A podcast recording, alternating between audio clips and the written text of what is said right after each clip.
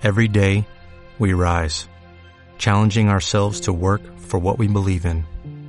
At U.S. Border Patrol, protecting our borders is more than a job, it's a calling.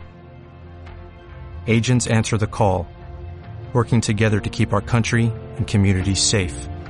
If you're ready for a new mission, join U.S. Border Patrol and go beyond. Learn more at cbp.gov/careers. Seguim amb la nostra experiència radiofònica.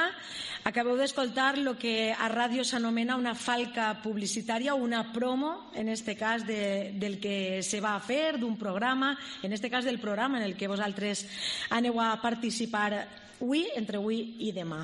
Programa en directe que seguim i ho fem amb una ponència que estic segura que va ser molt interessant.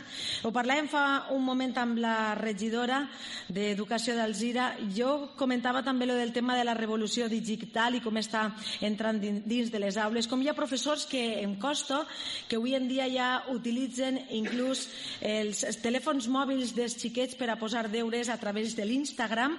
Doncs bé, aquesta revolució digital també es va donar a la ràdio, al mig radiofònic, per a parlar-nos d'aquest tema. Avui contem al nostre programa amb un company, ell és Raül Terol, és doctor en Comunicació per la Universitat Politècnica de València, professor en el grau de Comunicació Audiovisual i locutor de la 99.9 València Ràdio, i ens ve oferir una ponència que segur és molt interessant i vos recomane, titulada La transformació digital a la ràdio. Ignasi,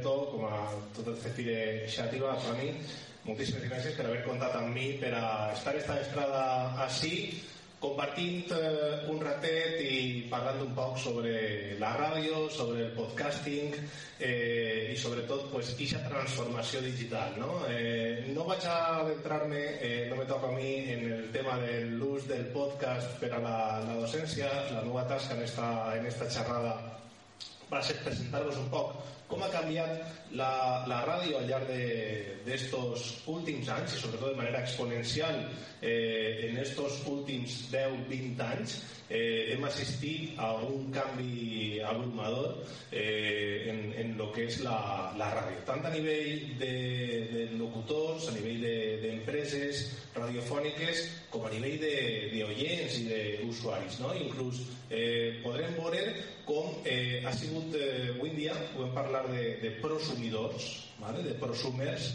eh, perquè som capaços de, de rebre continguts i de crear continguts a la, a la vegada. Val? En, en tan sols un telèfon mòbil eh, podríem ser capaços de, de llançar un, un podcast de manera eh, molt, molt ràpida i, i a vegades eficaç. Val? Així sempre eh, el més interessant és el missatge que vulguem donar, val? el contingut va ser el que marcarà la, la diferència pues compartirem un, un ratet de, de ràdio, un cafenet, eh, unes pastetes per a parlar, per a atravessar aquesta història de la ràdio.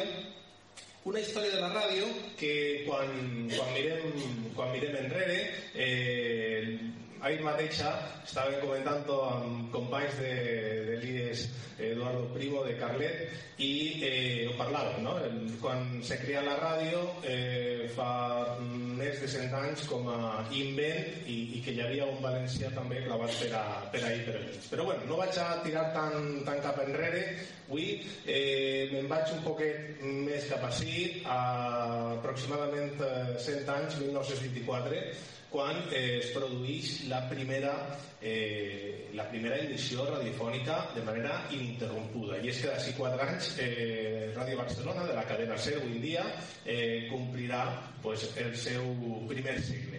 Avui he portat així un, una peça d'àudio radiofònic eh, d'aquest moment, no? I, i no hi ha res millor que, que poder-ho recordar, poder recordar eh, aquell moment en, eh, quan Maria Sabater, en l'any 1924, eh, pues, feia llançava les seues primeres paraules. Si recordar-ho, pues en un poquet d'humor, com és en una falca radiofònica, en, una, en este cas és una Escucha promo esto.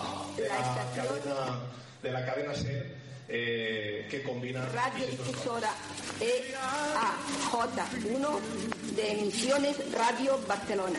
Con esta voz empezó la cadena SER hace ya muchos años. Bueno, no fue tan fácil la cosa. ¿Qué quieres decir? La frase, la estación radiodifusora Sí. EAJ1 Sí. de Emisiones Radio Barcelona no le salió a la primera. Mira, No, escucha. pero da igual, hombre. La estación radiodifusora Escucha, mira. EJA1 ¿Has visto? de Emisiones J. ¿Has visto? Toma dos, da igual. La estación EJ Sí. radiodifusora A EA1 Barcelona. ¿Has visto? Bueno, toma tres. La estación JE1 Se equivoca. A Sí, pero- J Radio E ¿Ves? Pero da igual, pero A J eran los inicios de la radio y... Ya, bueno, pero no lo hizo la primera. Radio A Barcelona. Cadena SER. No queremos ser perfectos. Solo queremos gustarte. 1 E1 J A J1 de emisiones Bueno, eh, com vegeu, aquestes van ser les, les paraules, després combinades amb humor per, per un mestre de l'humor com és Juan Carlos Ortega, eh, en la cadena SER, i que m'havia pues, un poc eh, recordar aquests moments, aquest toc d'humor, avui esta desgràcia amb vosaltres.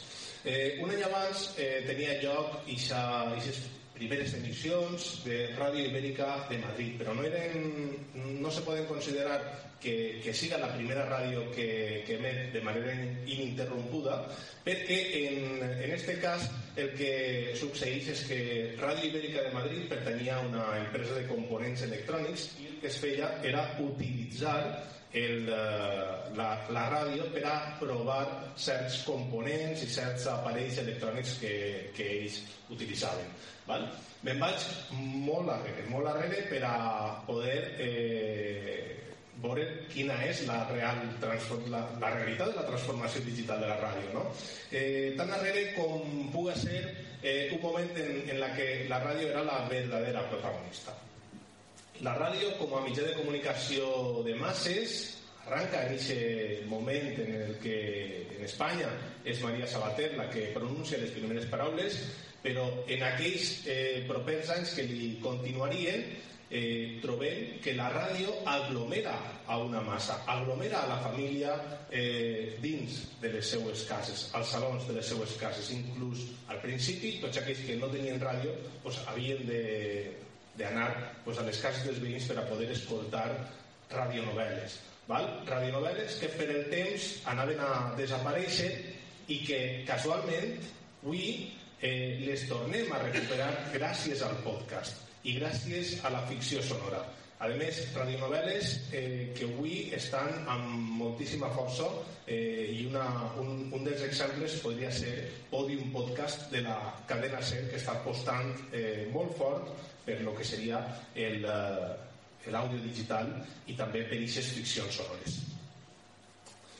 Ens anem al 1927 i este senyor Bertolt Brecht eh, comença, la ràdio comença a despertar aquest interès per a els estudiosos, per als artistes, per als escriptors, per a la gent del món de la cultura, també per als eh, polítics d'aquell moment que veuen eh, gran poder propagandístic a la ràdio com a mitjà de, de comunicació, però bé, això no, no ens interessa tant com el que sí que puguen ser les paraules que dia en aquell moment eh, Bertolt Brecht. I és que Bertolt Brecht eh, parlava de que la ràdio era una nova forma de comunicació, però ell no la veia, eh, veia que les coses no s'estaven fent bé. Val? El missatge eixia des de la ràdio, arribava a l'oient, però no se produïa una retroalimentació. És per això que acunyava en les seues teories de la ràdio, que va eh, firmar entre, i va escriure entre 1927 i el 32, eh, este, este paràgraf, que ve a dir que la ràdio pues, hauria de transformar-se, de convertir-se en, en un mitjà de comunicació, però que a més tinguera la capacitat d'escoltar, no sols de parlar, no sols d'emitir, sinó també de, de recibir. No? Eh, en aquell moment, en el 1927, podrien pensar que este home s'havia tornat eh, completament boig Eh, avui dia, si Bertolt Brecht alçar el cap, eh, bueno, segur que s'assustaria molt per conforme està la situació, però eh, en el tema de radiofònic i en el tema dels mitjans de comunicació segur que diria, si és que ja ho vaig dir jo, ja ho vaig pronosticar jo en aquell eh, 1927, fa quasi 100 anys. Perquè a dia d'avui tenim el tan anhelat feedback, la tan anhelada retroalimentació que eh, Bertolt Brecht creia necessària en aquell, en aquell entonces, en aquell moment. Per tant, avui eh, ens la possibiliten les xarxes socials, eh, les ferramentes de missatgeria instantània com el WhatsApp i per arribar ahí hem hagut de connectar amb la emissora a través de, de carta o a través d'una postal eh, a través de SMS, a través de cridades telefòniques en el moment en el que s'obria el telèfon i ja recentment tenim un flux de comunicació directe tant en els eh, seus locutors com en la pròpia emissora. Eh, part de, això el seu de bo i el seu de roïn, ho dim abans, no? Eh, la tecnologia té la part bona i la part roïna. Abans la ràdio despertava una màgia perquè quan escoltàvem una veu en la nostra ment imaginàvem com seria el locutor. Eh, avui a dia això no passa. Directament entrem a les xarxes socials, busquem el nom del locutor i el primer que fem ja és posar-li cara. Val? Ja se'ns se ha acabat aquesta màgia de la ràdio. Tenim aquest feedback, com, com vos dia, que ve eh, proporcionat per les xarxes, de, xarxes socials i que cada vegada estan més actives les ràdios i els mitjans de comunicació en, en general, a través d'Instagram, a través de Facebook, a través de Twitter, però eh, això canvia molt de pressa, va molt ràpid el, el canvi, el procés, i ara, per exemple, eh, volem estar on està l'audiència eh, ja estan apareguent noves xarxes com pugui ser per exemple TikTok i, i ja hi ha emissores que estan presents ahí que publiquen ahí. Sobretot la gent jove eh, és la que està més present ahí i el, en aquest aspecte també els profes eh, moltes vegades també han de buscar aquests canals on ells estan presents per a eh, llançar-los els missatges per a motivar-los per a captar la seva atenció. Nosaltres en la, en la universitat estem treballant un poc aquesta comunicació amb l'alumne perquè els correus electrònics els costa molt llegir-los. Eh, no obstant quan t'envies un avís eh, per una història d'Instagram el llitgen de manera immediata. És algo, és algo curiós es produeix una radiomorfosis eh, ja quan eh, conforme evoluciona la ràdio no? una radiomorfosis està, este és un terme acunyat per la professora brasilera Nair Prata i això dona peu a aquesta combinació de, de noves audiències, se crea eh, una, un, una nova audiència, és el que, és lo que obtinguem en esta radiomorfosis. La gent que ens escolta a través de la FM o de la onda, o de la onda mitja segueixen ahí, a través de, de, de la emissió normal eh, per, per l'èter, per l'espai radioelèctric, però ara també tenim aquesta nova audiència que ens escolta a través de la red, a través de la xarxa. Val? Nous canals, formats i processos. Una, un dels primers acadèmics en, en apostar i en destacar el paper de, i la importància del canvi a nivell eh, tecnològic que devia d'afrontar la ràdio en l'any 2000 va ser el professor de la Universitat Complutense de Madrid Mariano Cebrián Herreros que eh, acunya el terme eh, la ciberràdio i en diversos llibres eh, entre el 2000 i el 2008 ell comença a parlar sobre el que seria aquest canvi, aquests reptes que devia d'afrontar la ràdio com a mitjà de comunicació per estar present ahí. Inclús parla en un moment d'emissions de ràdio, en, no sé si ho recordeu, eh, les tecnologies moltes vegades també tenen això, que apareixen, pareix que vayan a, a quedar-se i després eh, és com l'efecte xampany, no? es dissolen en seguida. El Second Life, no sé si el conegueu, una espècie de realitat virtual que hi havia entre l'any 2000 i, i els principis del 2000, eh, la cadena SER va ser una de les primeres en emetre en, en, en ixa, lo que seria ixa xarxa, no? en, en Second Life. Avui en dia mmm, ja pràcticament ni, ni ho recordem no? i queda com algo eh, merament anecdòtic. Sin embargo, eh, Mariana Cebrián pues, recollia això i eh, recomanava a les empreses radiofòniques que devien d'apostar per estar presents en la, en la xarxa, per estar en internet i per eh, utilitzar diversos canals no sols eh, l'espai radioelèctric. Este señor, el profesor Guy Starkey de la Universidad de Bournemouth, hablaba de la resiliencia de la radio, ¿no? del, del gran poder que tenía la radio, de esta característica de ser capaz de adaptarse a, a els canvis que la societat estava vivint. En aquest aspecte, eh, ell parlava d'això en un dels congressos que va fer a, a Londres, eh, quantes vegades s'ha matat eh, o han volgut matar la ràdio o a l'estrella de la ràdio. Val? Eh, per exemple, la cançó dels Buggles, en l'any 1979, es parlava eh, que el vídeo, la televisió, anava a matar a l'estrella de la ràdio i a matar a la ràdio. Eh, han passat molts anys i això no va passar. Quan va arribar internet, també els, eh, els més apocalíptics afirmaven internet ara sí que mata a la ràdio, ara sí que ja la ràdio desapareix, perquè ja entre la televisió, internet i demés, no obstant, la ràdio ha sabut refer-se molt bé, jo pense, perquè eh, aquestes fortaleses que li proporcionava internet ha sabut sumar-les al seu favor per a captar audiència, per arribar a nous públics, per a derribar fronteres, perquè abans en, en l'emissió eh, per FM o per ones arribava eh, on arribava i ara l'emissió, estem parlant d'una emissió global. Pots anar on vulguis i en el telèfon mòbil si tens una bona connexió de dades pots estar escoltant eh, qualsevol emissora d'un xicotet poblet que estiga emitint en, en internet. És algo eh, molt, molt important. Ahir es produeix aquesta democratització de la, de la xarxa. Democrat, democratització per què? perquè en, si, si volem emetre a través de, de la, del, de l'espectre radioelèctric hem de demanar, hem de seguir un procés costós eh, en el que com a empresa ens va costar molts diners eh, tindre una llicència, una concessió administrativa, una llicència per a emetre per FM. No obstant, si jo vull que emetre o a través de la xarxa, no em fa falta tants diners simplement eh, molt més econòmic i en, i en uns equips eh, a lo millor molt eh, d'anar per casa podria estar emitint eh, des, de, des de una casa mateixa Val? Per tant, eh, això és el que, lo que fa que propulse, que impulse més l'escolta de la ràdio.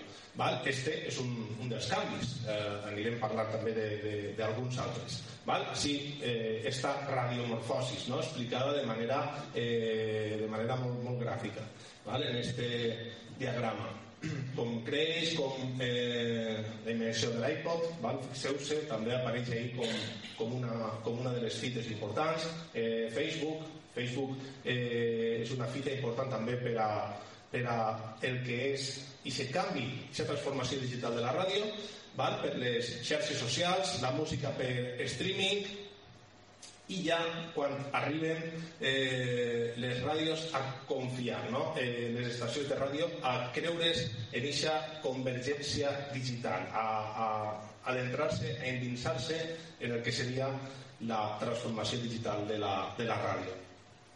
Com ha canviat la ràdio en les últimes dècades? Estem veient no? de manera exponencial i molt ràpidament ha sigut els canvis que ha tingut que adaptar-se la ràdio a nivell programàtic Fixeu-se que abans eh, el camp de programació era el que dia de 6 a 12 s'escoltarà el programa Hoy por Hoy, eh, però per què de 6 a 12? Jo vull que escoltar-lo de vesprada. Val? Pues no passa res. Jo sóc el propi programador de la meva emissora de ràdio i escolte eh, la cadena C eh, Hoy por Hoy perquè m'agrada, després escolte a Julio Otero i eh, puc eh, crear-me la nova graella de programació. I és el canvi. I a nivell intern, a nivell eh, de, del Camparo, bueno, no, no ha viscut esta, esta època, eh, però bueno, sí que la del casset, eh, la del casset sí que la, que, que la hem viscut, la del Revox també. També les, esta, aquesta sí, eh?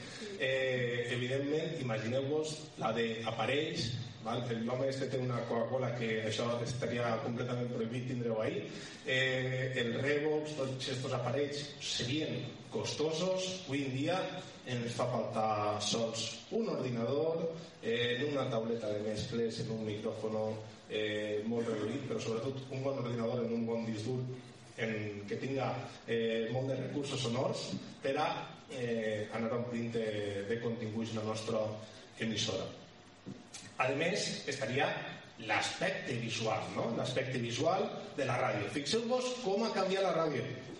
Eh, esto ja més que un estudi de ràdio pareix un plató de televisió val? pareix un plató de televisió eh, pantalles eh, per tot arreu càmeres per tot arreu en quant a la ràdio no feia falta anar massa arreglat abans eh, podies anar inclús en pijama perquè no passava res, simplement tenies que tindre la veu eh, més, més afinada. No?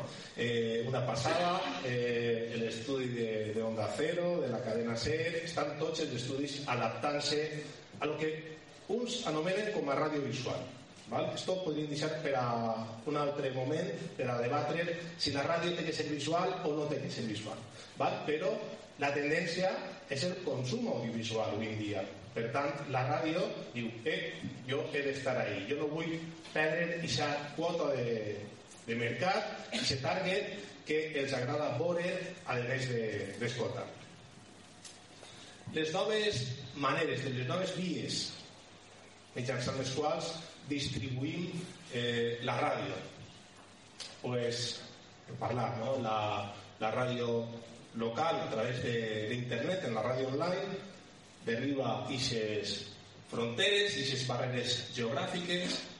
La ràdio online comença en l'any 1993 als Estats Units amb aquest programa, Internet Talk Radio, de Cal de Malamut, i després, així a Espanya, ens arriba en dos moments. En l'any 95 és Radio Tecnoland, que desgraciadament no avança massa, però després tinguem Radio Cable de Fernando Berlín, que avui a dia encara continua emitint i continua fent el seu programa que s'anomena La Cafetera. I pel que han passat mmm, molts eh, polítics, molts locutors, i en seu moment també es parlava d'ell com un possible substitut d'Iñaki Gavilón. Però bueno, va quedar la cosa.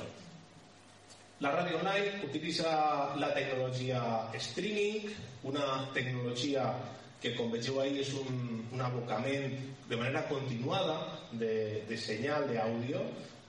Eh, que estan recibit de manera contínua per l'usuari el, el streaming seria quan ens connectem i escoltem la ràdio en directe i l'altra opció seria el, el podcasting de la que també parlarem com us deia, nous horitzons, noves audiències, molt diferents de, de l'usuari tradicional, de l'usuari convencional, que ara mateix se caracteritzaria l'usuari actual molt més interactiu.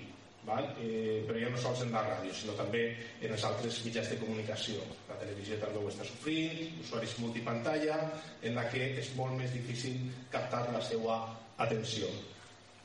Aquesta seria un, un diagrama també eh, molt interessant per a que vegeu representada el que seria la ràdio tradicional val? i les seues 24 hores de, de treball i una, una pulgada de profunditat mentre que la, la ràdio global la nova ràdio global la ràdio que utilitza la, la ràdio que utilitza la transformació digital estaria a una milla de profunditat estaria conjugant totes aquestes xarxes, totes aquestes aplicacions, ja n'hi ha, ja n'hi ha noves també, eh, estaria aprofitant-les per a sumar i per a créixer com a mitjà de comunicació. Si parlem de sistemes d'emissió de, de ràdio, val, també trobem canvis, molts canvis.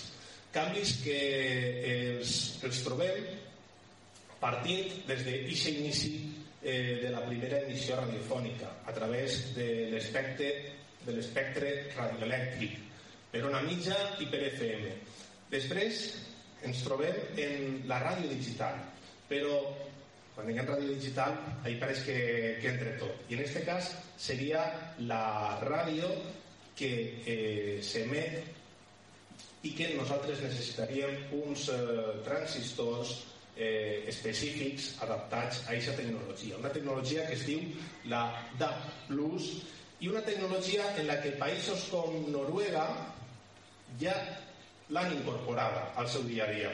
Una tecnologia, la del DAB+, per a que eh, ho entengueu ràpidament, eh, crec que va ser a principi del 2000, en la televisió, en els eh, antics televisors van tindre que posar un aparatet del TDT per a poder veure la, la tele. Veritat? Recordeu? En aquest cas seria aquest canvi el necessari, el que necessita també la ràdio eh, convencional. Apagar analògicament la ràdio, que es produís aquest apagó analògic per a eh, que se puga implantar el sistema DAB. Un apagó, un apagó analògic que jo el recorde que anava a produir-se a principi dels 2000, quan jo estava estudiant, dient però el 2008 està fixat l'apagó analògic i després l'anaven postergant, l'anaven allargant i a dia d'avui ni està ni tampoc se l'espera. Després, eh, les xarxes de, de banda ampla, la ràdio online, com vos dia, també eh, la ràdio online que tinguem diverses possibilitats d'escoltar-la, o des de la pròpia emissora, connectant-nos a la pròpia emissora, connectant-nos, per exemple, a la web de Onda Cero o de Algira Ràdio, o també a través d'agregadors, agregadors, aplicacions que, que puguen ser Radio Player o, o TuneIn en la que puguem escoltar la, la nostra emissora preferida i també canviar d'emissora. O també per la TDT, l'aparició de, de el fet de poder escoltar ràdio en, en la TDT pues fa que tinguem ahí un, un ventall de nous oients que ens puguen estar també escoltant, una, un, nou, un nou sector de l'audiència. La, Diferents maneres també d'empaquetar, de, ràdio lineal o escoltar ràdio a la carta. Esta segona opció seria la, de, la del podcasting, la primera la del streaming, val?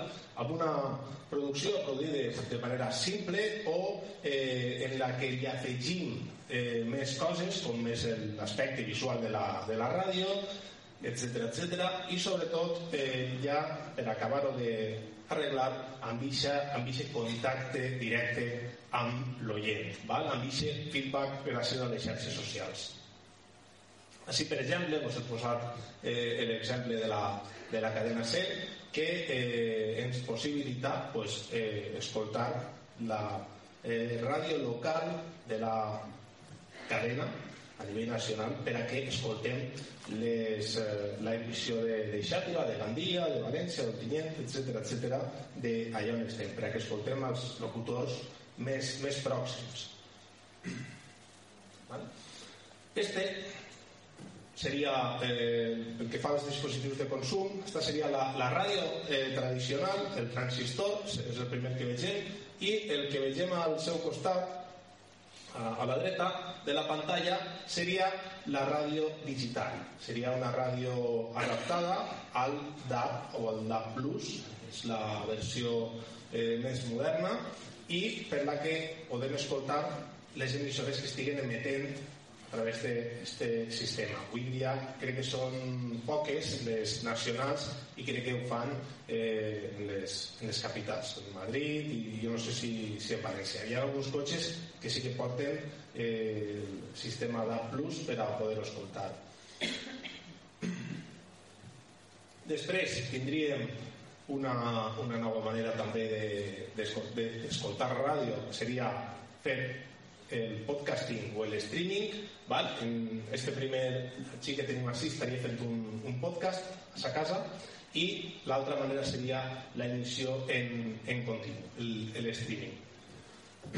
I també eh, el futur, ja no, no sé si dir el present, encara que hi ha molts eh, escèptics en el tema de, dels altaveus eh, intel·ligents, eh, seria pues, el poder dir a, al teu assistent virtual Alexa, quiero escuchar las noticias de la mañana o quiero escuchar a Amparo Piqueres i posar-te el podcast o la emissió de les notícies de, Amparo eh, el futur passa per, per ahí, no? passa per assistent virtual, aquesta ràdio per la, per la veu. Eh, encara que eh, les últimes notícies que, que es fan que siguem un poc més escèptics en el tema del, de la protecció de dades i la nostra privacitat, no? perquè de que estiga sempre escoltant Alexa eh, es fa un poc eh, dubtar de, eh, de la seva curiositat. Este senyor és Ben, ben Hammersley per parlar-vos un poquet de, del podcasting per a ja anar eh, tancant la meva intervenció esta vesprada d'avui. Eh, ben Hammersley va ser un poc el que va donar, eh, el que va batejar el concepte del podcast. Val? Eh, hi ha diverses, diverses teories, eh, ja com, com sabeu la, la més eh, assentada és la que associa el nom del podcast a l'iPod i per tant a, a Apple eh, però bueno, n'hi ha, hi ha alguna més per ahir perquè Apple en realitat no va apostar per el podcast fins eh, fa, fa poc de fet l'última actualització de, de la seva mm, del seu iTunes mm, va ser quan ja definitivament va apostar i va decidir apostar seriament per el, per el podcast Val? I en aquest moment eh, Ben Hammersley acunya el terme del podcast. En l'any 2004, estem als inicis del 2004. Mentrestant, eh, el que se feia era ràdio a la carta. Val? La diferència entre ràdio a la carta i el podcast seria la subscripció. El fet de que el nostre oient pugui subscriure's al nostre àudio, al nostre canal, per a que en el moment en el que pugem contingut nou el nostre oient el recibisca de manera immediata eh, en el seu mòbil, en la seva tablet o en el seu ordinador. I també comentar-vos un poc de la ràdio transmèdia. No? Què és això de la, de la ràdio transmèdia? Ràdio transmèdia seria aquella, aquella ràdio en la que es eh, busca la interactivitat i el que es busca també és confluir. Estem parlant d'un producte en el que eh, no sols s'emeta a la ràdio o no sols s'emeta a la televisió o no sols es, eh, es puga llegir en un llibre. No? Per exemple, un, un dels exemples més, eh, més eh, actuals seria eh, la sèrie En el corredor de la muerte. No sé si heu tingut ocasió de, de veure-la. Eh, la podeu escoltar també en, en podcast i la podeu llegir en el llibre.